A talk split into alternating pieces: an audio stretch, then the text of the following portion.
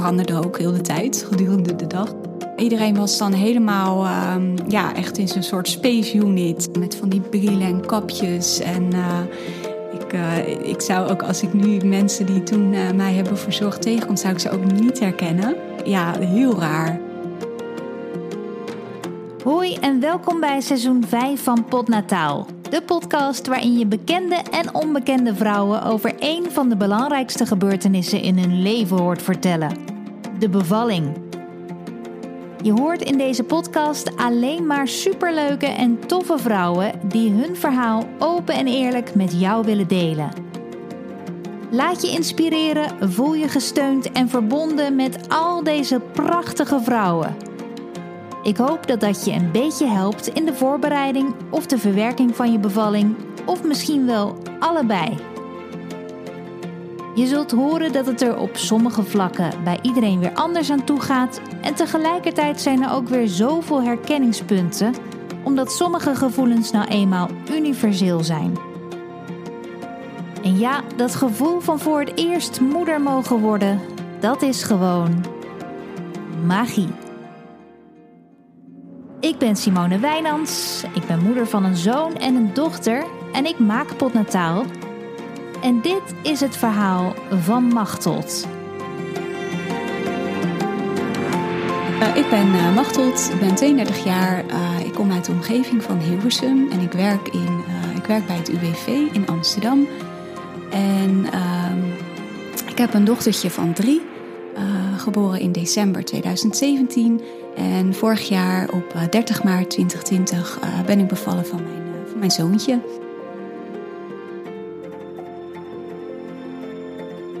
Machteld is een vrolijk, opgewekte vrouw met een goede bril en donker, licht krullend haar. Haar verhaal is er een die niet kan ontbreken in deze tijd. Het is behalve haar verhaal namelijk ook een verslag van een tijdsbeeld.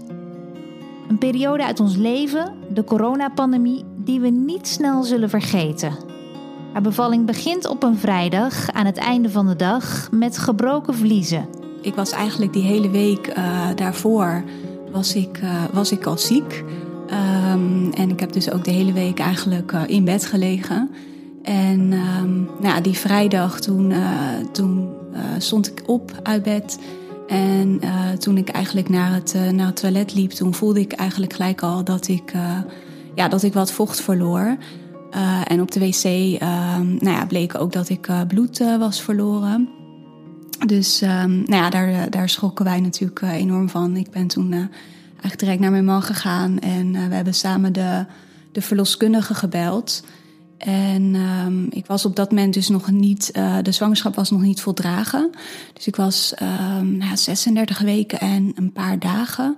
Ik weet niet meer precies hoeveel. maar het was dus ook echt mijn eerste verlofweek, zeg maar. Die was die, die maandag gestart. En toen ben ik eigenlijk ook direct op maandag ziek geworden. En uh, nou ja. Uh, ja, wat ziek geworden. Uh, wist je wat je had op dat moment ook? Nee, nee, op dat moment natuurlijk nog niet. Ik had gewoon een flinke griep. En um, nou ja, het was dus, um, het was midden in ja, een beetje de, de start, of tenminste, ja, van die hele coronapandemie eigenlijk. Ja, de, de, ehm, lockdown was net begonnen. De lockdown was echt net begonnen, inderdaad. Volgens mij was dat ook precies op die maandag, als ik het me goed herinner.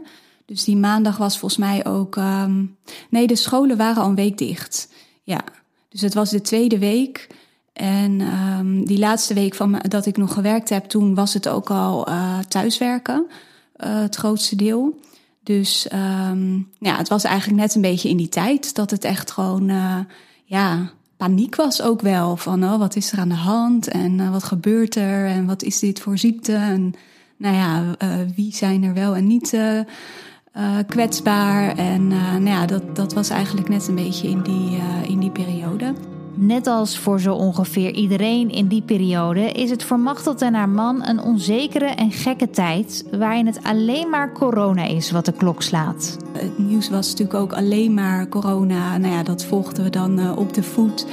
Uh, waren natuurlijk ook elke, het was ook echt nog die tijd dat er elke dag van die statistiekjes waren in de krant van uh, nou hoeveel mensen er opgenomen waren, et cetera. Um, en nou ja, ik, het was gewoon, ja, gewoon meer de algemene stress die iedereen denk ik op dat moment gevoeld hebben, die hadden wij op zich ook wel. En tegelijkertijd uh, voelde het op dat moment ook wel heel abstract nog. Um, ja, we, hadden niemand op dat moment ook in onze omgeving die ziek was.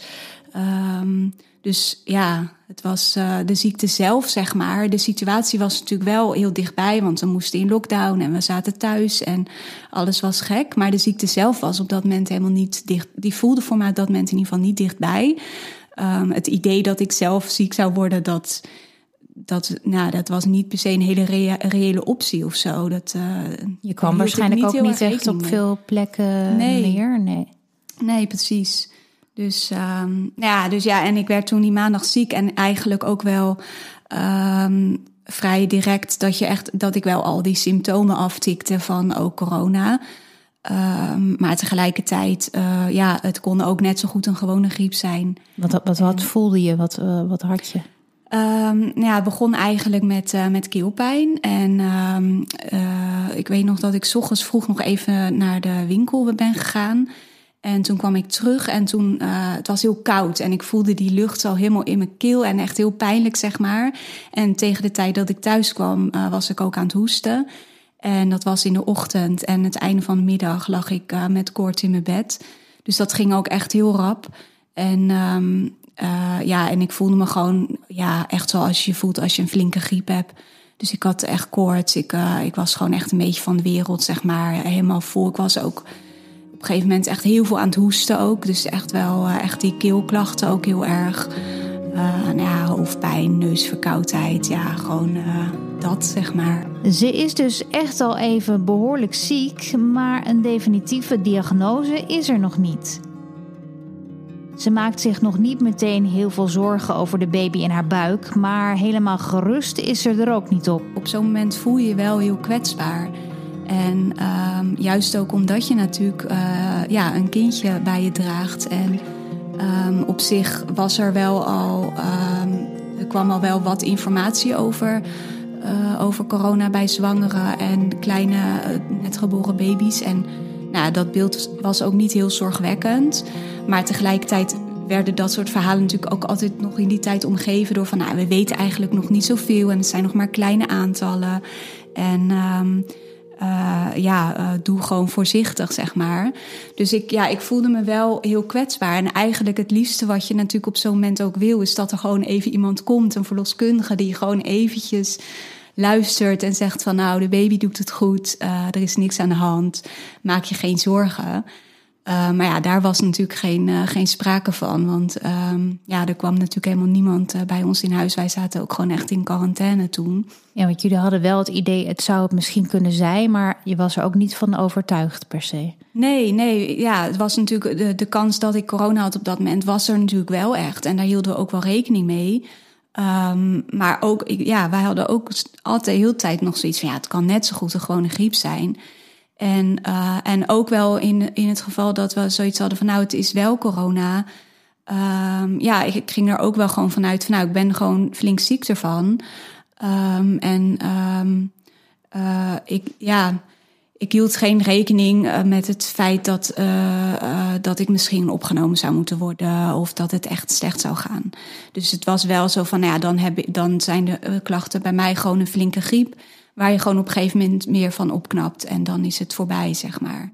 Helemaal alleen bevallen terwijl je corona hebt, dat is dan weer net niet wat Machtot voor ogen had als ze denkt aan haar aankomende bevalling. Ik heb bij mijn eerste bevalling um, heb ik een vastzittende placenta gehad. En um, ik ben uh, toen ook uh, best wel wat bloed verloren, waardoor ik een heel laag uh, eh, HB had ook. En nou, gewoon een hele slechte start eigenlijk van je kraamweek daardoor. En uh, met name door die vastzittende placenta had ik een, um, uh, een ja, het, is geen, het was volgens mij geen medische indicatie, maar wel, een, wel dat ze zeiden van nou, het is voor jou wel verstandig om in het ziekenhuis te bevallen, dat je daar vast bent. En um, ja, dus dat was ook wel het plan, dat ik naar het ziekenhuis zou gaan. En uh, ja, dat was dan natuurlijk op dat moment ook wel uh, heel onzeker. Op dat, uh, ook van hoe, hoe dat zou gaan met de ziekenhuizen en de, de plek die er was. Uh, en ik heb daar volgens mij in die week ook nog wel contact over gehad met de verloskundige. Want ik was op dat moment natuurlijk nog uh, 36 weken zwanger. Mijn verlof was net begonnen, dus in mijn hoofd had ik echt nog weken te gaan hoor. Mijn dochter was met 40 weken en 5 dagen gekomen. Dus ik ging er wel echt heel erg van uit dat ik die 40 weken gewoon zou aantikken. Maar goed, ik had daar toen al wel over gesproken van nou, hoe, hoe zou dat eventueel gaan? Uh, als er geen plek is in het ziekenhuis, moet, kan, ik, kan ik dan wel ook thuis bevallen? Of moet ik echt per se ook in het ziekenhuis? Maar ja, dat, dat was. Uh, ja, dat was op heel veel vragen die in die tijd was het ja, dat wisten ze nog niet echt. Nee. En uh, het was ook van nou, dat zien we dan wel op het moment dat het zover is. Ja, had ook nog zo het gevoel van het is nog zo ver weg. Alles kan nog veranderen. Ja. Waarschijnlijk ja. ben je wel weer beter tegen die tijd. Ja, dat, daar ging ik sowieso vanuit. Dat ik wel weer tegen die tijd opgeknapt zou zijn. En uh, frisse, fruitige de bevalling uh, in kon. Um, maar ook, ja, nou je dat zegt, denk ik ook van ja, in mijn hoofd zat ook nog heel erg van ah, over vijf weken dan. Uh, nou, dan hebben we is corona wel weg. Ja. ja. ja. ja, ja achteraf, ik. als je daar nu ook aan terugdenkt, denk je, jeetje. Wat, ja, maar volgens mij was dat ook wel een beetje ja, het idee. Ik had ook zoiets van, nou, dat zie ik dan wel weer. Het is nog heel ver weg en uh, het zal tegen die tijd allemaal wel uh, loslopen. Nu kun je je dat nog maar nauwelijks voorstellen, maar toch dachten we zo in die begintijd van corona. In die week heeft Machteld meerdere keren telefonisch contact met haar verloskundige. En die had mij ook wel gezegd van, nou, je moet wel uh, paracetamol blijven slikken. Op het moment dat die koorts uh, elke keer... Uh, want het was ook heel grillig hoor, de, de, de griep. Um, dus ik kon ook echt... de ene dag echt, was ik echt helemaal van de kaart en lag ik echt voor pampus in mijn bed. En de volgende ochtend dan dacht ik van nou, het gaat alweer. Ik heb het ergste gehad. En dan ging ik uit bed en dan was ik wel weer wat dingetjes aan het doen. En dan tegen de tijd dat het uh, de middag was, dan uh, had ik weer koorts. En dan uh, voelde ik me weer heel beroerd. Dus het ging ook heel erg op en neer. En, um, en ik moest dus elke keer als ik weer koorts meten, dan moest ik dus paracetamol gaan slikken. Omdat de verloskundige zei dus van, nou ja, um, aanhoudend hoge koorts of misschien überhaupt koorts, dat kan wel een bevalling in gang zetten. Dus ja, dat, dat wilden we natuurlijk wel voorkomen. Um, maar goed, ja, die vrijdag um, uh, ja, had ik dus dat vochtverlies. En het, was niet, het was niet heel veel of zo, maar het was wel overduidelijk. Elke keer als ik een, een stukje liep, dan, dan voelde ik dat, gewoon dat, daar, ja, dat er vocht uitkwam. En um, nou ja, we hebben toen dus de verloskundige gebeld. En die zei toen van ja kijk, ik kan nu wel langskomen en constateren dat jij gebroken vlies hebt. Maar omdat ik nog niet uh, 37 weken had aangetikt, moest ik sowieso dan naar het ziekenhuis. Dus ze zei van ja, je kunt net zo goed uh, eigenlijk direct gaan. En dan uh, kunnen ze het daar wel vaststellen. En, en dan ben je er ook maar gelijk. Een gekke situatie voor Machteld en haar man. Ze voelt zich nog steeds beroerd en nu lijkt het er opeens op dat haar bevalling te vroeg is begonnen. Vanwege haar klachten moet ze naar een aparte afdeling van het ziekenhuis. Ze hadden dan een, um, een aparte afdeling zeg maar, ingericht voor uh, zwangere vrouwen of net bevallen vrouwen of vrouwen die gingen bevallen en voor kinderen. Daar hadden ze een aparte COVID-afdeling voor gemaakt, zeg maar. Dus daar moest ik dan ook uh, direct naartoe. En je man en uh, je dochter? Ja, nou ja, dus die, uh, dat uh, hebben we toen ook gevraagd van ja, hoe moet dat dan? En uh, hij mocht dus niet mee. Hij mocht mij wel brengen, maar hij mocht dan niet mee naar binnen. En mijn dochter natuurlijk ook niet. Dus ja, en ze wisten op dat moment ook nog niet helemaal of hij er dan bij mocht zijn als de bevalling door zou zetten.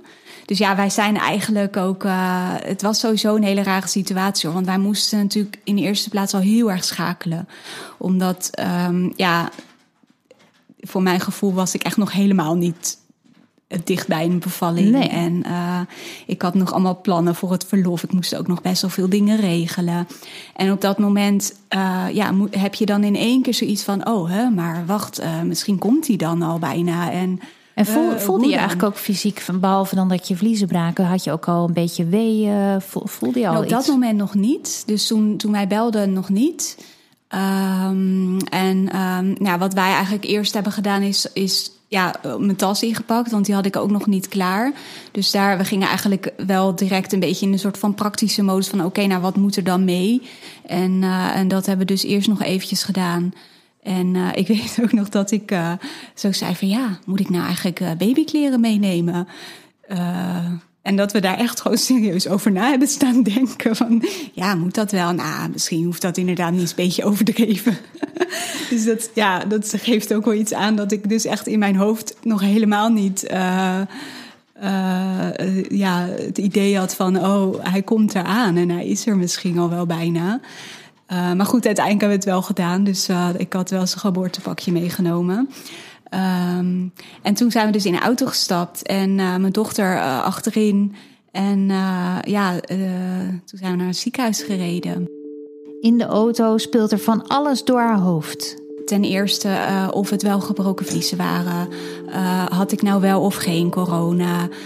Um, kon mijn man bij de bevalling zijn? Nou, allemaal dat soort vragen wat we gewoon totaal niet wisten hoe het zou gaan lopen. En het, het meeste waar we op dat moment ook mee bezig waren, is van nou ja, als de bevalling doorzet en als, als mijn man erbij mocht zijn, ja, wat deden we dan met onze dochter? En um, ja, dat was, dat was ook wel echt een uh, ja, heel, um, heel naar om daarover te moeten nadenken. Want um, nou ja, we wilden in eerste instantie zou mijn moeder komen als de bevalling zou beginnen. Maar ja, die gingen we natuurlijk niet uh, bij ons thuis uitnodigen. Uh, ja, in het geval dat ik daadwerkelijk corona zou hebben. En hetzelfde gold natuurlijk voor mijn schoonouders. Um, maar ja, eigenlijk wil je natuurlijk helemaal niemand vragen om, om zo'n risico te nemen. En we wilden mijn dochter ook niet ergens anders heen brengen. Want voor haar zou het natuurlijk toch allemaal al gek genoeg zijn. Dus we wilden haar wel echt thuis houden. Um, dus ja, we hebben nog even zitten nadenken om dan sowieso zelf maar te besluiten dat mijn man er niet bij zou zijn bij de bevalling, dat hij dan bij haar zou blijven. Maar ja, dat is natuurlijk ook niet totaal nee. niet wat je wil. Ik bedoel, ja, uh, uh, het is voor, ja, je wil gewoon dat hij erbij is ja. bij de bevalling als dat zou mogen. Wat moeilijk, ja. Ja. Dus uiteindelijk, uh, waar we op uit zijn gekomen, ze hebben uh, mijn, mijn schoonzusje gevraagd.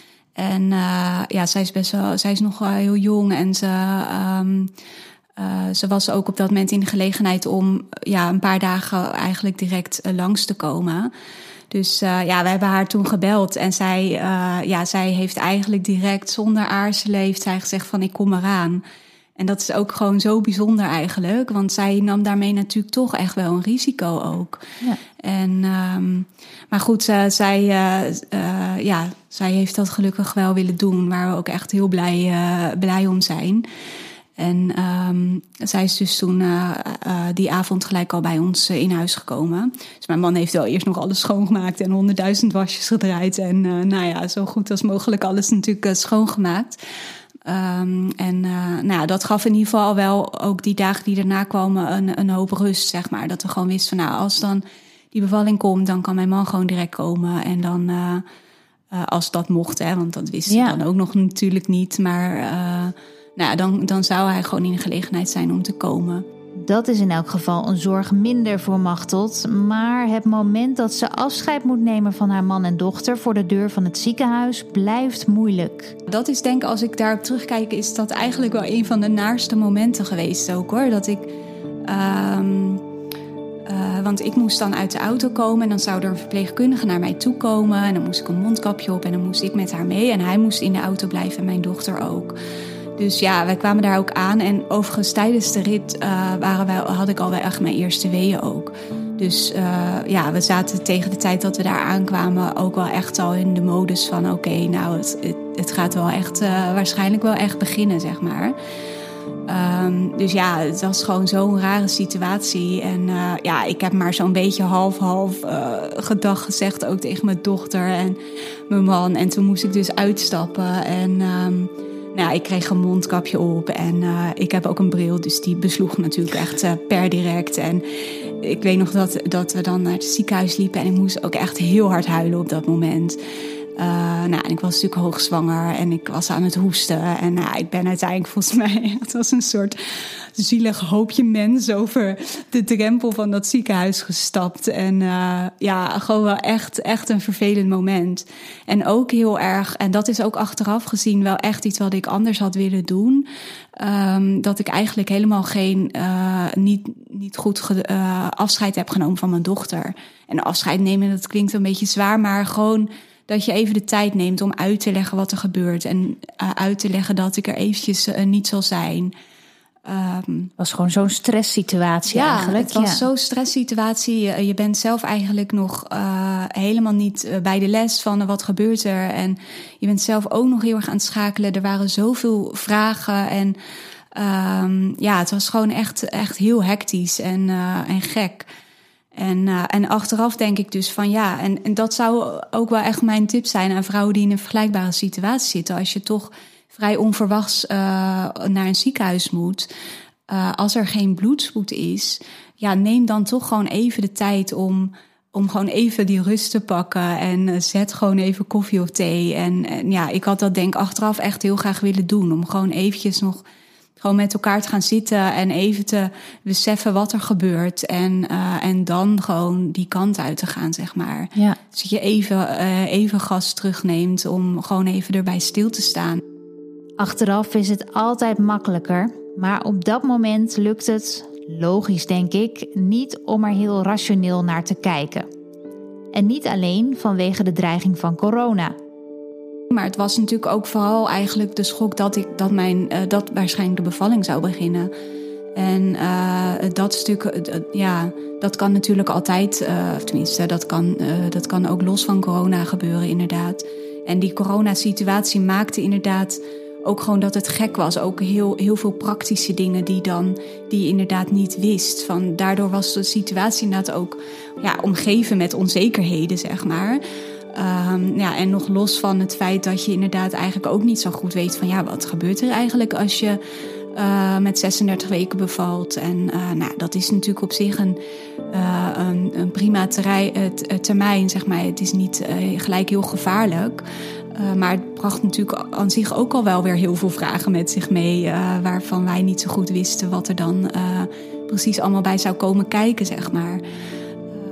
Dus ja, het was inderdaad gewoon alles bij elkaar. Dat, ja, dat er gewoon zoveel door je hoofd gaat. En ja, dat wij daardoor dus inderdaad eigenlijk ook niet... We zijn gewoon inderdaad gegaan, bijna direct. Na het afscheid bij de auto heeft Machteld de twijfelachtige eer... om als eerste de speciaal ingerichte covid-afdeling voor zwangere vrouwen in het ziekenhuis te betreden. Dus dat merkten we ook heel erg hoor. Die, die, dagen die daarna kwamen, eigenlijk de protocollen werden echt geschreven waar wij bij stonden. En die veranderden ook heel de tijd, gedurende de dag of de dagen. En, uh, maar goed, in eerste instantie uh, ja, krijg je dan gewoon heel veel ziekenhuishandelingen. Dus uh, ik werd aan een infuus gelegd, er werd bloed geprikt. Ik kreeg natuurlijk een, een, een, een, test voor de corona. nou, ik weet niet, er, er werd een, oh ja, ik moest aan de CTG. Uh, er is nog een echo gemaakt. Um, dus dat was natuurlijk op, op dat moment wel even fijn. Dat je wel even die bevestiging had van oké, okay, met, uh, met ons zoontje ging het allemaal goed. Dus dat, uh, dat was heel fijn. En, en het belangrijkste... allemaal in pakken en zo ook helemaal van top tot teen Ja, gehuld. klopt. Ja, ja, iedereen was dan helemaal um, ja, echt in zo'n soort space unit. en um, ja, met van die brillen en kapjes en ik, uh, ik zou ook, als ik nu mensen die toen mij hebben verzorgd tegenkom, zou ik ze ook niet herkennen. Uh, want ja, iedereen was ook bij zijn gezicht natuurlijk helemaal ingepakt. Dus dat was ja, heel raar. Wat bizar. Heel raar, ja. ja. ja. Echt een beetje surrealistisch eigenlijk. Ja, ja, ja. Inderdaad. Ja, dat is eigenlijk ook precies het woord. Het was echt heel surreal, inderdaad. Dus, uh, en, en was, ja, dat is, ik weet niet of dat normaal is in het ziekenhuis maar voor mijn gevoel, het was echt een soort défilé ook wat er uh, langs liep. En een gynaecoloog en, en een verpleegkundige. En die hebben dan nog wisseling van dienst. Dus dan was er weer een ander. En er is volgens mij nog een, een longarts of zoiets langs geweest. Nou, ik weet niet eens, maar allemaal iemand anders weer voor die coronatest. Dus het was gewoon uh, allemaal mensen die. Uh, en ik was daar, denk ik, ja, begin van de avond ben ik daar aangekomen. En ik denk pas rond een uur of twaalf was alles achter de rug, zeg maar. Alle onderzoeken dus dat, en zo. Ja, ja, Dus dat duurt ook, uh, dat duurde ook gewoon heel lang. En het belangrijkste was natuurlijk het vaststellen of ik, ja, of ik nou de gebroken vlies had of niet. En dat heeft dus ook echt een hele tijd geduurd voordat dat echt dan 100% uh, duidelijk was. En dat was dus zo rond een uur of twaalf. Toen hadden ze dan ook een beetje van het vruchtwater naar het laboratorium gedaan. En nou, toen kwam dus inderdaad de uitslag dat het daadwerkelijk gebroken vliezen waren. En um, ja, dat was op dat moment wel echt even een domper. Want je houdt toch nog vast aan die kleine kans dat je denkt: oké, nou misschien is het allemaal gewoon uh, vals alarm. En kan ik gewoon lekker naar huis straks. En uh, is dit gewoon een uh, rare episode die we gewoon snel afsluiten. Maar goed, nou, dat was het dus niet. Dus ik moest daar ook blijven. En wisten ze al of je ook echt corona had? Was dat al duidelijk? Uh, nee, dat was helemaal nog niet duidelijk op dat moment. Dus uh, ik heb toen die vrijdagavond die test gehad. En uiteindelijk pas zondagmiddag hebben we de uitslag daarvan gehoord. En die was toen dus positief. En die tussentijd um, ja, ben ik wel gewoon op die kamer gebleven. En ze gingen er eigenlijk ook wel vanuit dat ik het zou hebben. Um, en zolang ze dat nog niet zeker wisten, ja, behandelden ze mij gewoon als een coronapatiënt. En uiteindelijk was het dus inderdaad ook positief. Maar het duurde echt heel lang voordat we die uitslag uh, echt kregen. Gebroken vliezen en corona positief dus. Al heeft ze van dat laatste dan dus nog niet officieel de bevestiging. Had ze in de auto nog echt wel weeën gehad, in het ziekenhuis verdwijnen die een beetje naar de achtergrond. Ik had volgens mij wel af en toe weeën, maar nou, wel echt op de achtergrond, zeg maar. Dus uh, het was op dat moment wel echt nog zo van, nou, we moeten even afwachten om te kijken of het doorzet. Dus nou, ik ben toen uh, s'avonds laat dus gaan slapen. En uh, nog heel lang met mijn man lopen appen van... Nou, we moeten nog luiers kopen. Je moet nog een thermometer bestellen. En dit moet nog gehaald en dat. Dus echt nog... nou, hij heeft volgens mij half bol.com leeggetrokken nog die avond. Om nog alles in huis te halen snel. Um, maar toen, denk ik rond een uur of één, ben ik, ben ik gaan slapen. En toen... Um, ja, ik denk dat het iets van half drie was of zo. Toen, toen werd ik echt wakker van de weeën. En... Uh, ja, toen was het, vond ik ze eigenlijk al direct best wel heel pittig. Ik heb toen ook zo'n weeëntimer ge, gedownload. En het was, ja, het was volgens mij om de drie, vier minuten. En, en ze duurde ook gelijk al bijna wel een minuut iets van 50 seconden of zo. Dus het was wel, ja, ik had toen echt wel iets van, nou, het is wel echt begonnen. Dus ik had mijn man ook al geappt van, nou, uh, ja, het, ik denk dat je zo wel deze kant op moet. Dus nou ja, ga je maar, uh, hou je maar klaar, weet je wel. Ze drukt op een knopje om een verpleegkundige te laten komen, maar dat duurt best wel lang, omdat ze zich helemaal in een speciaal beschermend pak moet hijsen. Ze hadden ook tegen mij gezegd overigens van... Uh, ja, je moet dan ook maar niet voor elk wisselwasje gaan bellen. Um, want ja, we moeten wel elke keer die pakken natuurlijk aan. En uh, die moesten dan ook weggegooid worden daarna. En het was ook, dat was toen ook heel erg in het nieuws... van alle tekorten in het ziekenhuis en zo. Dus ik voelde ook ja, de hele tijd best wel een drempel... om, uh, om dan natuurlijk zomaar voor iets kleins te gaan bellen... Um, uh, maar goed, toen dacht ik wel van nou, ik heb nu wel echt weeën en ik wil gewoon dat er iemand komt. Want uh, nou, ik lig hier alleen en uh, het is wel goed. Dus toen, um, ja, toen kwam zij dus binnen en um, toen moest ik weer aan de CTG ook. Dus ze wilde ook wel elke keer de baby gewoon goed in de gaten houden. en nou, die CTG die kon natuurlijk ook, die kan ook je weeën op, oppikken. Dus um, nou, ik moest daar aan. En uh, nou, ik had op dat moment dus wel echt al fikse weeën. Dat ik ook tijdens een wee niet meer met haar kon praten. En ik weet nog dat ik, ik keek dan zo omhoog naar ja, zo'n systeemplafond en die TL-lampen. Ah, super gezellig. En dan uh, dacht ik van, nou oké, dit was echt wel een fikse wee. En dan keek ik zo op dat CTG-scherm. Nou, er was echt helemaal niks te zien. Echt zo'n heel lullig heuveltje elke keer. En uh, ja, dus uh, die verpleegkundige die zat daar ook naar te kijken. Dus en zij zei dan elke keer van, oh ja, nee, het rommelt wel en uh, je hebt voorweeën. en ik dacht echt, nee, zijn dit nog maar voorweeën? Ik vond het echt, echt op dat moment best wel pijnlijk. Dus, uh, maar ja, goed, ze heeft denk ik ongeveer een uurtje daar bij mij gezeten. En het was elke keer inderdaad niet heel veel anders. En um, ja, ik had ook echt op een gegeven moment iets van, nou weet je, het is ook wel goed. ik denk dat het ook uh, misschien wel weer beter gaat als jij uh, gewoon weer gaat. En als het gewoon weer donker is. En als ik gewoon weer lekker onder die dekens kan liggen. En lekker warm. En uh, dus toen is zij, is zij uiteindelijk ook gewoon weer gegaan. En zij had wel echt zoiets van, nou ja, weet je, het is gewoon nog niet echt begonnen. Dit rommelt en nou, ga nog maar gewoon lekker slapen. En dan, dan kijken we wel wat er gebeurt, zeg maar. En ja, ik had daar natuurlijk zelf ook naar dat scherm zitten kijken. En je ziet dus, ja, er was bij mij gewoon echt niks te zien op dat scherm. Dus... Um, uh, ja, ik had zelf ook zoiets van, nou ja, het zal dan wel niet zo zijn, weet je wel. Terwijl dat natuurlijk heel raar is, want ik voelde natuurlijk gewoon ja. die weeën. Je herkende het waarschijnlijk ook wel van de vorige ja, keer. Ja. ja, precies, ja. En toch, uh, ja, toch... Uh, ja, kijk je dan ook naar een of ander grafiekje en maak jezelf dan ook weer wijs dat het misschien dan inderdaad toch nog niet, nog niet is begonnen. En ik weet ook nog wel, zij liep toen weg en eh, het was toen ook weer donker. En ik weet ook nog echt dat ik, dat ik het gewoon zo zat was op dat moment allemaal. Gewoon die hele situatie en die hele week dat ik ziek in bed had gelegen. En um, nou ja, gewoon die, die hectiek in het land over de corona. En nou, ik weet echt nog wel dat ik op dat moment ook echt zoiets had van... jongens, uh, de groeten allemaal. Ik ga slapen, ik wil helemaal niet bevallen. Zoek het, uh, zoek het maar even lekker uit. Uh, en ik ben toen ook gaan liggen. En nou, ik denk nog een uurtje wakker gebleven. En de wee namen echt in die tijd eigenlijk heel erg af.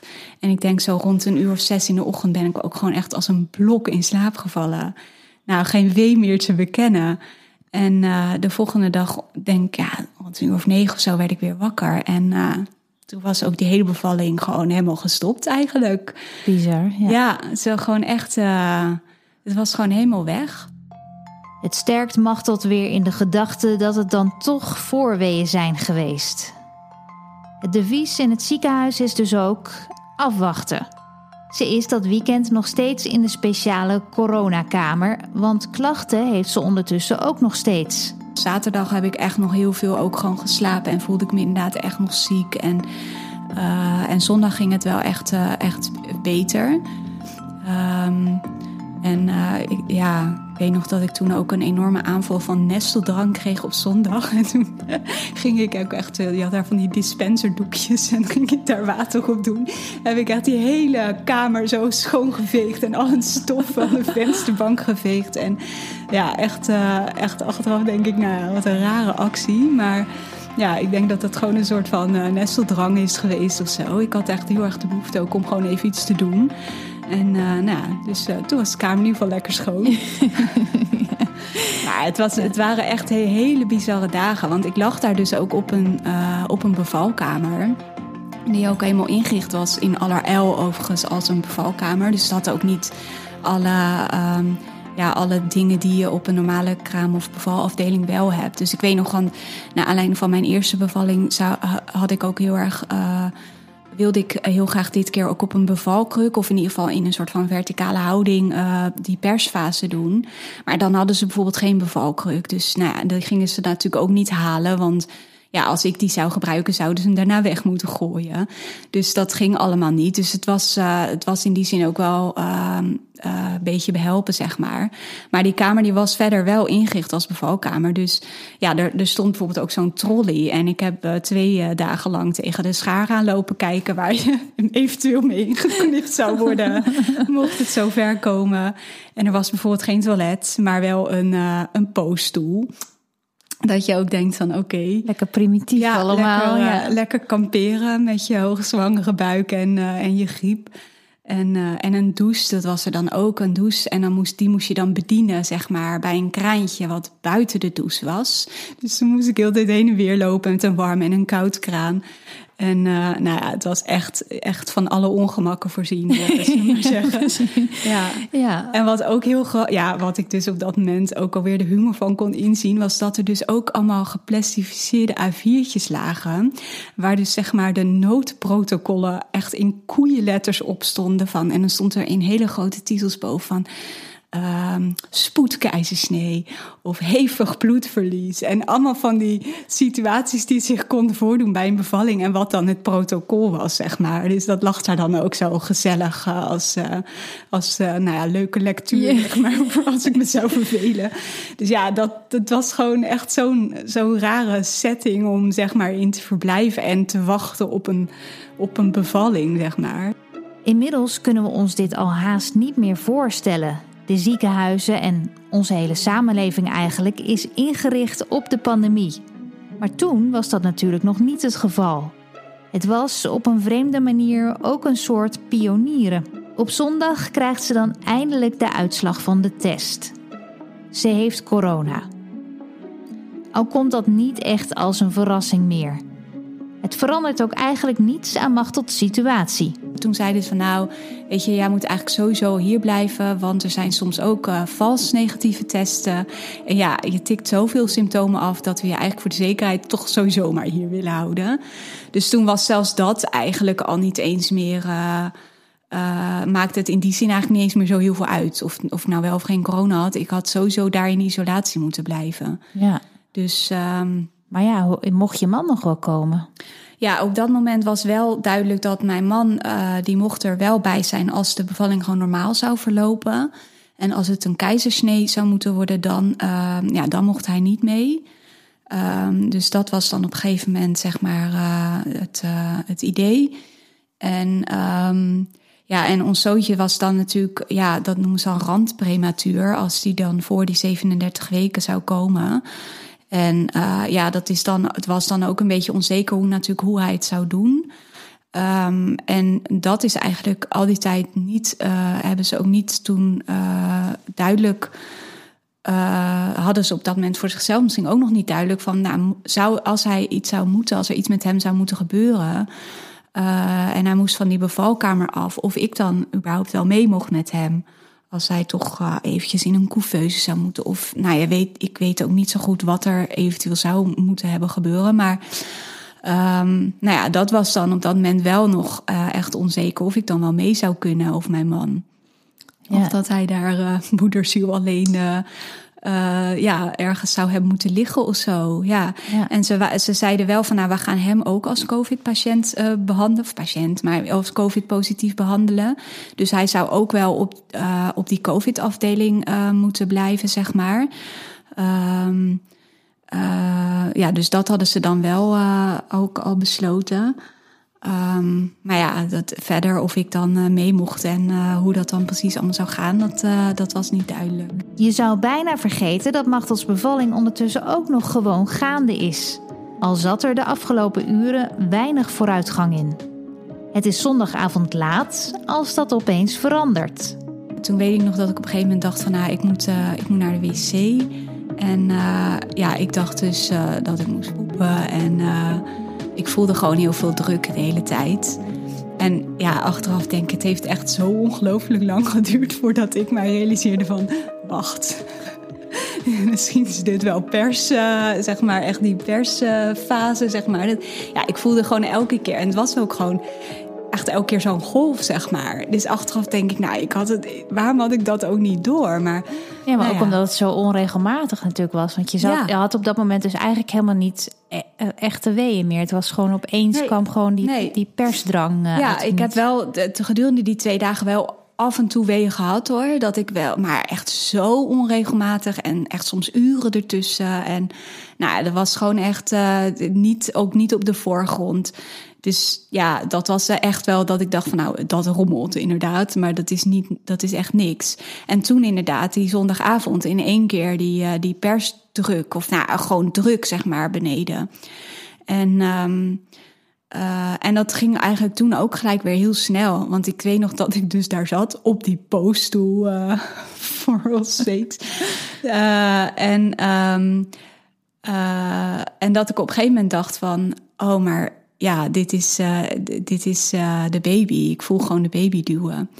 En um, toen dacht ik van nou, ik moet, ik, moet naar, ik moet terug naar dat bed en ik moet er even iemand bij gaan halen. Maar dat ik echt op dat moment al best wel, zeg maar, stak zat in mijn lijf. Dat je echt, ja, echt gewoon al zo van hele zware ledematen hebt. En ik, dat het me echt heel veel moeite en tijd heeft gekost uiteindelijk om, om weer bij dat bed te geraken. En um, nou toen heb ik gelijk wel iemand erbij gehaald. En, uh, ja, en toen was het eigenlijk gewoon weer een herhaling van die vrijdagavond. Dus ik moest weer aan die CTG. Nou, weer helemaal niks te zien. En uh, ja, en ook, en dat, dat uh, heb ik dus inmiddels wel door, dat er bij mij dus gebeurt. Als er dan iemand komt en het wordt druk om me heen en de lichten gaan aan. En uh, nou, dat, dan nemen mijn weeën gewoon gelijk per direct weer af. Dus het was ook echt gelijk al wel veel minder druk en veel beter weg te zuchten, zeg maar. Dus um, uh, ja, en weer die CTG waar niks op te zien was. Dus uh, nou, weer zo'n tijdje dat aan zo zitten kijken met z'n tweeën. En toen zei zij ook weer van, nou weet je, ga nog maar gewoon lekker slapen. En uh, uh, je moet wel, ze zei toen wel van, nou, je moet echt direct bellen als, als je echt denkt van, nou, nu, uh, nu, nu is er echt wat aan de hand. Dus dat had ze me dan wel echt op het hart gedrukt van, nou, gewoon gelijk bellen, maakt niet uit. Uh, ook al is het een wisselwasje, bel gewoon. Dus ja, en toen ben ik gewoon maar weer gaan slapen. En dat is eigenlijk ook nog best wel gelukt toen. En um, nou, ik weet echt totaal niet meer de tijden of zo. Maar ergens in het begin van de nacht, denk ik, toen, uh, toen werd ik dus weer wakker wel echt van die, van die persweeën. En dat waren echt, echt persweeën, zeg maar. Dat ik echt...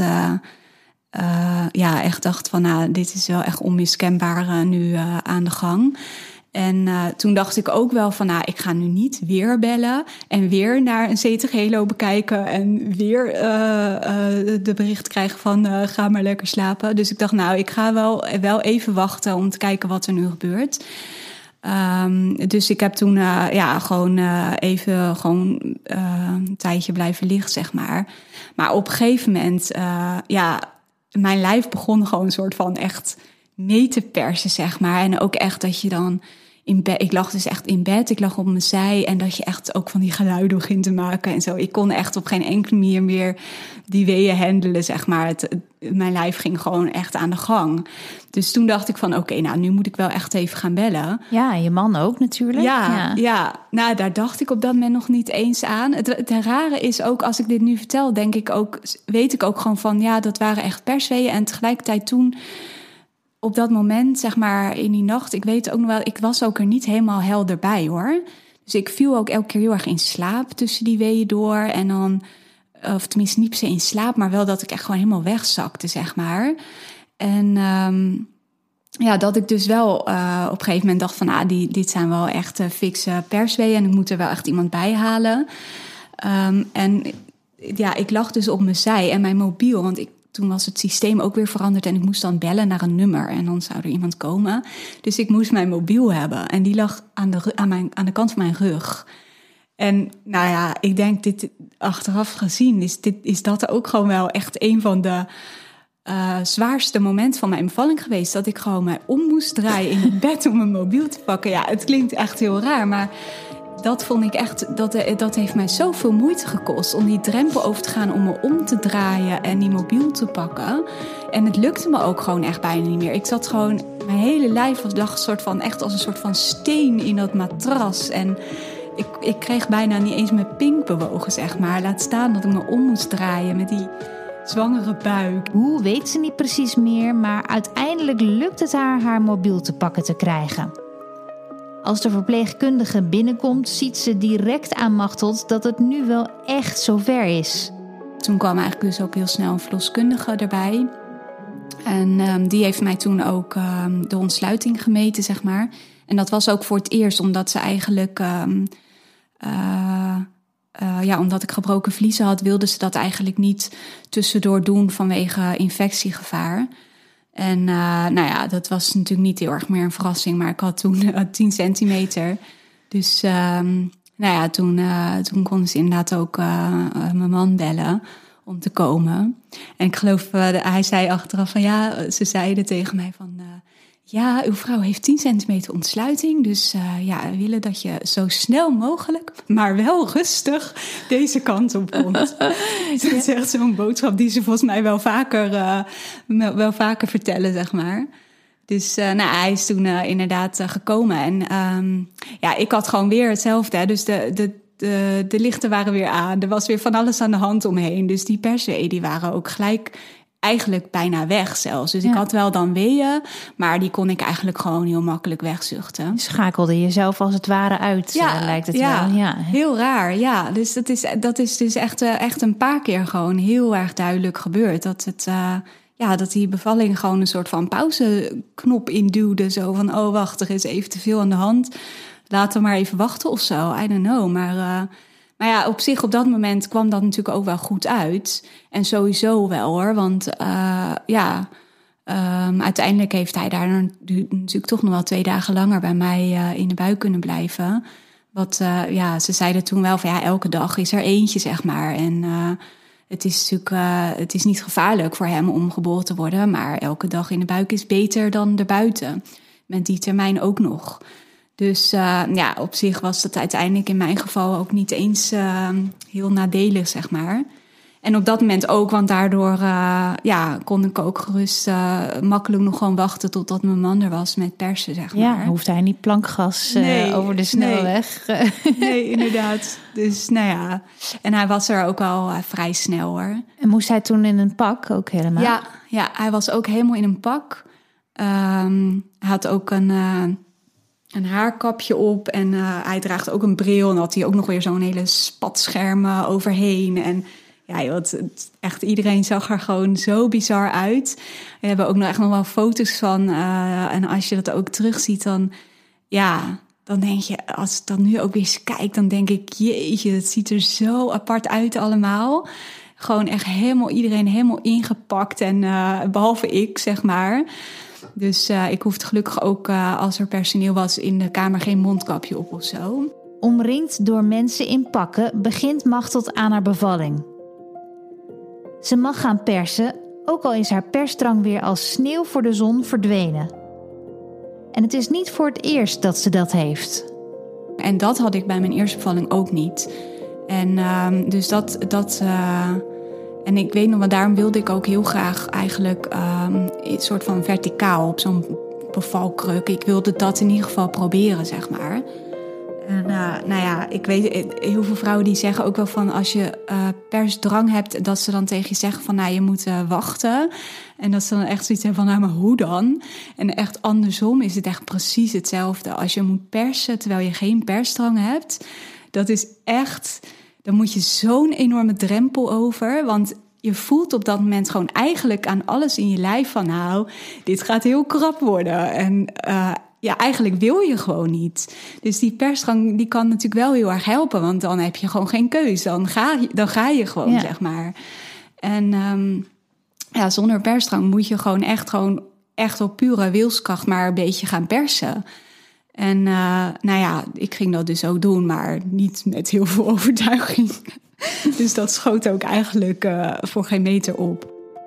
Het woord weeën op wekkers valt in de kamer, maar dat ziet Machtel niet zitten. Toen dacht ik wel echt van, ja, weeënopwekkers, dat, dat, daar uh, was ik gewoon best wel bang voor. Want ik dacht, ja, dan, dan raak je echt helemaal, voor mijn gevoel ben, zou ik dan helemaal de controle kwijt zijn. En ik heb echt nog niemand ooit positief gehoord over weeënopwekkers. En dacht ik, straks zit ik in een weeënstorm of weet ik veel wat er dan allemaal gebeurt. Dus toen heb ik echt nog één keer bij haar gezegd van, maar kan ik het dan niet gewoon op handen en knieën nog een keer proberen? En toen zei ze zo van, nou, eh, als je dat dan echt, uh, echt graag wil, zo, uh, ja. dus toen ben ik op handen en knieën gegaan. Nou, en toen echt, uh, nou, twee per se later stond ze hoofdje. dus toen ging dat gelukkig heel snel. Hij is er bijna. De verloskundige vraagt aan Machteld of ze toch nog een keer terug kan draaien Iets wat op dat moment eigenlijk opnieuw voelt als een onmogelijke opgave. Ik was op dat moment ook helemaal een beetje van de wereld en echt zo dat ik echt uh, omdraaien. Maar hoe dan? Dat kan helemaal niet. En, uh, dus uh, nou ja, uiteindelijk met verenigde krachten is het gelukt. En uh, toen denk ik nog één uh, per se later en toen, is die, toen was die geboren. Instinctief voelde Macht aan dat het voor haar beter werkte wanneer ze op haar handen en knieën kon gaan zitten. Op mijn rug, ja, ik weet niet. Het, ik durfde ook gewoon geen kracht te zetten. Dus dat, dat lukte me gewoon elke keer niet. Dus, en toen inderdaad, ja, toen had ik ook veel, veel meer gevoel bij waar ik dan moest persen. En, um, en toen ging het gewoon echt veel beter, zeg maar. Dus uh, ja, uiteindelijk ben ik heel blij dat, uh, dat we dat nog wel hebben kunnen proberen. En niet inderdaad die weeopwekkers ook nog erbij. Dus maar goed, ja, toen, toen was hij er eigenlijk gewoon heel snel. En, uh, ja, en dan merk je eigenlijk ook wel dat uh, ongeacht de omstandigheden en alle rare dingen die er aan de hand waren, ja, zo'n geboorte blijft natuurlijk gewoon echt een heel mooi en, en magisch moment. En ja, ik weet nogal, ja, je kan je kindje zien, je kan hem pakken, je kan het ruiken. En ja, dat blijft natuurlijk gewoon zo'n mooi moment. Al weet ze niet meer wat ze exact dacht, dat moment dat ze haar kindje voor het eerst op haar borst heeft, vergeet ze nooit meer. Ik weet nog wel dat, dat gewoon dat gevoel, zeg maar, dat je echt uh, ja, gewoon zoveel liefde voelt voor je kind. En uh, ook zoveel opluchting dat de bevalling voorbij is. Ja. En uh, ja, hij had echt een, een, een heel donker koppie vol met haar. En hij was wel, hij was heel klein.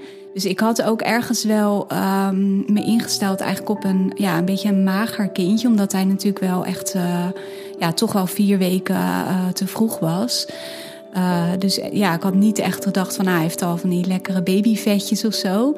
Maar dat viel eigenlijk heel erg mee. Dus hij was best wel, had best wel een beetje bolle wangetjes ook. En ja, dus ik vond hem natuurlijk prachtig. Ja, echt, echt een heel, heel mooi babytje. En wel heel klein, dat vooral wel. En hij was... Um, hij was net geen 6 pond, zeg maar. Dus iets van 2800 gram. Maar voor zijn termijn is dat een prima gewicht, gelukkig. En hij doet het eigenlijk ook meteen hartstikke goed. Het ademen ging eh, gelijk per, direct heel goed. Um, en um, ja, volgens mij zijn er met name drie dingen waar, uh, waar ze dan op die termijn toch wel last van kunnen hebben. En dat is uh, dat ze de warmte niet goed kunnen vasthouden. Of dat ze zichzelf niet op temperatuur kunnen houden.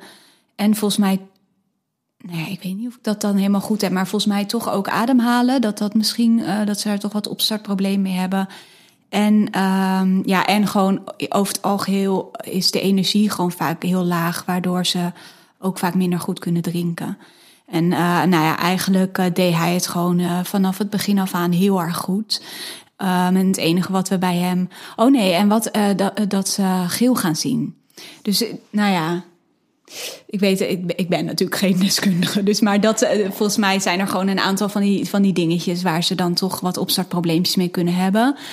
Um, en um, uh, nou ja hij, ja, hij deed het gewoon heel goed. Hij heeft in de week, zeg maar in die kraamweek, uh, um, is mijn man nog wel een paar keer met hem teruggemoeten naar het ziekenhuis. Uh, met alle gedoe van dien, zeg maar. En omdat hij dus wel een paar keer nog geprikt moest worden op zijn um, ja, bilirubine, heet dat dan. En dat, dat is dan dat hij zag heel erg geel. Hij had ook echt geel oogwit en zo. Maar elke keer was hij dus toch net onder die waarde, waardoor hij niet uh, onder zo'n uh, warm of UV-lamp moet, zou die dan hebben gemoeten. Uh, dus hij hoefde dat elke keer net niet. nou ja, wat in ons geval natuurlijk echt heel fijn was, want daardoor hoefden we niet weer over allerlei scenario's na te denken wat er zou moeten gebeuren. Want mocht je vrij snel naar huis met hem dan? Um, nou ja, ik moest sowieso vanwege de gebroken vliezen uh, twee, 48 uur daar blijven om, om dat aan te kijken. En, nou ja, en ook om even te kijken hoe hij het dan inderdaad zou doen. Dus um, ja, wij, wij hebben uiteindelijk nog twee dagen um, daar moeten blijven. En toen mocht mijn man wel al die tijd erbij blijven. Het was zeg maar zo, want hij was natuurlijk bij de bevalling erbij. En ja, het idee was toen van, nou of je blijft gewoon hier totdat jullie met z'n allen naar huis gaan. Of hij zou naar huis gaan en, um, ja, en dan zou hij ook niet meer nog een keer terug mogen komen, zeg maar. Totdat ik dan uh, met, uh, met ons zoontje naar huis zou komen. En uiteindelijk uh, was het dus met die twee dagen. Nou, toen moest hij dus nog een keer geprikt worden op die bilirubine. En dat was toen goed, dus toen mochten we naar huis. En anders was, hij, was mijn man waarschijnlijk wel naar huis gegaan. Ook om gewoon toch weer bij mijn dochter te zijn. Want die was toen inmiddels natuurlijk ook wel twee of drie dagen dan. Uh, nou ja, gelukkig had met mijn schoonzus dan. Maar uh, nou ja, dan was het voor haar toch ook wel beter geweest als hij naar huis was gegaan. Dus um, ja, dus op woensdag uh, ben ik toen eindelijk, eindelijk weer naar huis gegaan. Eindelijk thuis. Maar helemaal normaal is het natuurlijk nog niet, want het hele gezin moet direct weer in quarantaine. Ook bij de kraamzorgorganisatie waar wij bij zaten, waren wij de eerste, het eerste gezin waar dan een, ja, waar corona positief getest was. Dus ja, eigenlijk gewoon weer hetzelfde als toen in het ziekenhuis. Gewoon protocollen die totaal nog niet duidelijk waren. Ehm, de eerste drie dagen hebben we drie keer zeg maar, ook andere berichten gehoord over wat voor kraamzorg we precies uh, zouden krijgen. Dus het begon met dat van, nou nee, jullie krijgen gewoon de kraamzorg die je normaal ook hebt. Ehm, dus daar werd niks aan veranderd. Nou, toen de tweede dag was het van nee, jullie krijgen maar drie uur op een dag. Want ja, uh, de, meest essentiële zorg. En dan natuurlijk gewoon ook voor die kraamverpleegster. Uh, hoe zeg het, kraamverzorgende, ja, toch liefst zo snel mogelijk weer uit huis, zeg maar. En, uh, en toen de derde dag was het weer anders. Want ja, we hadden dan natuurlijk toch wel een, uh, een randprematuur kindje. Dus die had dan toch wel extra zorg nodig. En toen werd het toch weer meer uren of zo. Nou, I don't know. Tegen die tijd had ik zoiets van: jongens, het is allemaal goed. We zien het wel. Je hebt alles wel meegemaakt ja, inmiddels. Ja. ja. En je zit dan op, op zo'n moment natuurlijk ook gewoon midden in je kraamweek weer. En um, je hebt ook wel genoeg aan je hoofd. En hij, was, uh, hij deed het ook echt hartstikke goed hoor. Maar uh, ik wilde graag borstvoeding geven. En dat, uh, ja, dat lukte hem gewoon niet. Dus hij was wel echt te zwak om, om de voeding bij mij te drinken. Dus ja, dan moet je wel. Ehm, ja, al, alle voedingen ging ik kolven, zeg maar. En nou ja, dat is natuurlijk ook niet ideaal voor het op gang brengen van de borstvoedingsproductie. Um, en het is natuurlijk ook gewoon toch een extra belasting, zeg maar, op je energie. En uh, uh, op, uh, ja, gewoon praktisch is het gewoon een hele hoop gedoe. Jij was zelf ook nog niet echt fit natuurlijk. Nee, was ik, was, ik was er nog niet bovenop. Ik had toen op een gegeven moment ook echt, echt voor mijn gevoel weer echt een terugval in die griep, zeg maar. Ja, wat ook misschien niet heel gek is, omdat je natuurlijk ja, het zijn niet de, ideale omstandigheden om uh, aan te sterken. Je had niet echt uitgerust, hè? Nee. Weinig tijd om uit te rusten met, een, uh, met een pasgeboren baby. Dus op een gegeven moment kwam die hoest ook weer helemaal terug. En, uh, en ja, ik was er ook wel echt zo klaar mee op een gegeven moment. Want. Wat moest je dan met een mondkapje en zo hem ook bij je ja, houden? Ja. ja. Ja, inderdaad. Dus en dat is trouwens ook. Er is ook gewoon niemand overigens die ooit tegen mij heeft gezegd: van nou, hou je baby maar een beetje uit je buurt. Dat was gelukkig echt niet uh, aan de orde. En uh, dat zou ik dan denk ik ook niet per se hebben gedaan. Maar ik heb wel inderdaad al die tijd een mondkapje opgehad als ik, als ik hem in de buurt had. En ook überhaupt door als kraamverzorgende bij ons in de bij mij in de kamer was, et cetera. Dan had ik gewoon mijn mondkap op. Het is misschien een understatement om te zeggen dat het een gekke tijd is geweest. Desondanks kijkt Machtel er toch ook heel nuchter op terug. En dat vind ik ook wel, zeker ook nu erop terugkijkt, maar ook toen al wel hoor. Dat ik wel echt denk van ja, uiteindelijk val, valt de hele ervaring natuurlijk wel echt in de categorie klein leed. Uh, ja, ik, was, ik ben uiteindelijk gezond um, en vooral ook uh, uh, onze zoon was gewoon gezond. En uh, mijn dochter en mijn man zijn gezond gebleven. En uh, juist ook wel door, door die situatie waar wij natuurlijk in zaten, ja, ga je dat wel zo extra waarderen. En uh, ja, zo hebben we het ook wel echt beleefd hoor. Van in de basis is alles goed. En we hebben opstartproblemen en we hebben een bizarre situatie. En we hebben continu dat we moeten schakelen naar weer iets nieuws. Um, maar in de basis is het wel gewoon goed en zijn we gezond. Zoontje Casper is inmiddels ruim een jaar oud en blakend van gezondheid. Het is echt een, het heel vrolijk, uh, energiek uh, kind. Uh, en ja, altijd, altijd op, op ontdekking uit eigenlijk. Het is echt heel grappig. Het is echt zo'n kindje dat uh, als de deur open staat, dan, uh, dan ziet hij dat direct. En is hij echt binnen een seconde is hij erbij, zeg maar, om naar buiten te gaan. En uh, ja, altijd, altijd bezig en dingen aan het ontdekken en doen. En ja, heel vrolijk. Echt een heel vrolijk mannetje. In elk geval heeft hij zelf nog geen benul van zijn bijzondere geboorteverhaal. Het heeft Machteld in elk geval nog meer doen realiseren wat een geluk ze hebben. Er zijn natuurlijk allerlei situaties waarin je echt, je echt zorgen moet maken om de gezondheid van je kind of van jezelf.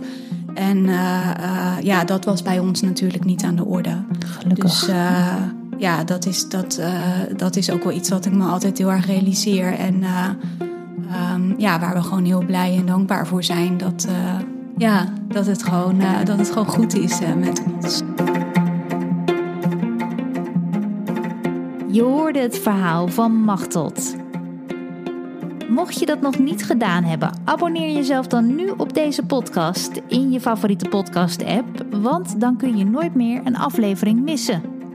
En natuurlijk is Podnataal ook op Instagram te vinden. Ga daarvoor naar @podnataal. Daar deel ik alles rondom de podcast, zwangerschap en geboorte. En je kunt mij ook eh, persoonlijk volgen trouwens als @simonewijnands underscore. En verder kun je nog overwegen om vriend van de show te worden. Dat is een manier om podcasts financieel te steunen. Ga daarvoor naar vriendvandeshow.nl slash podnataal. Heel veel dank voor het luisteren weer. En natuurlijk tot de volgende. Dag!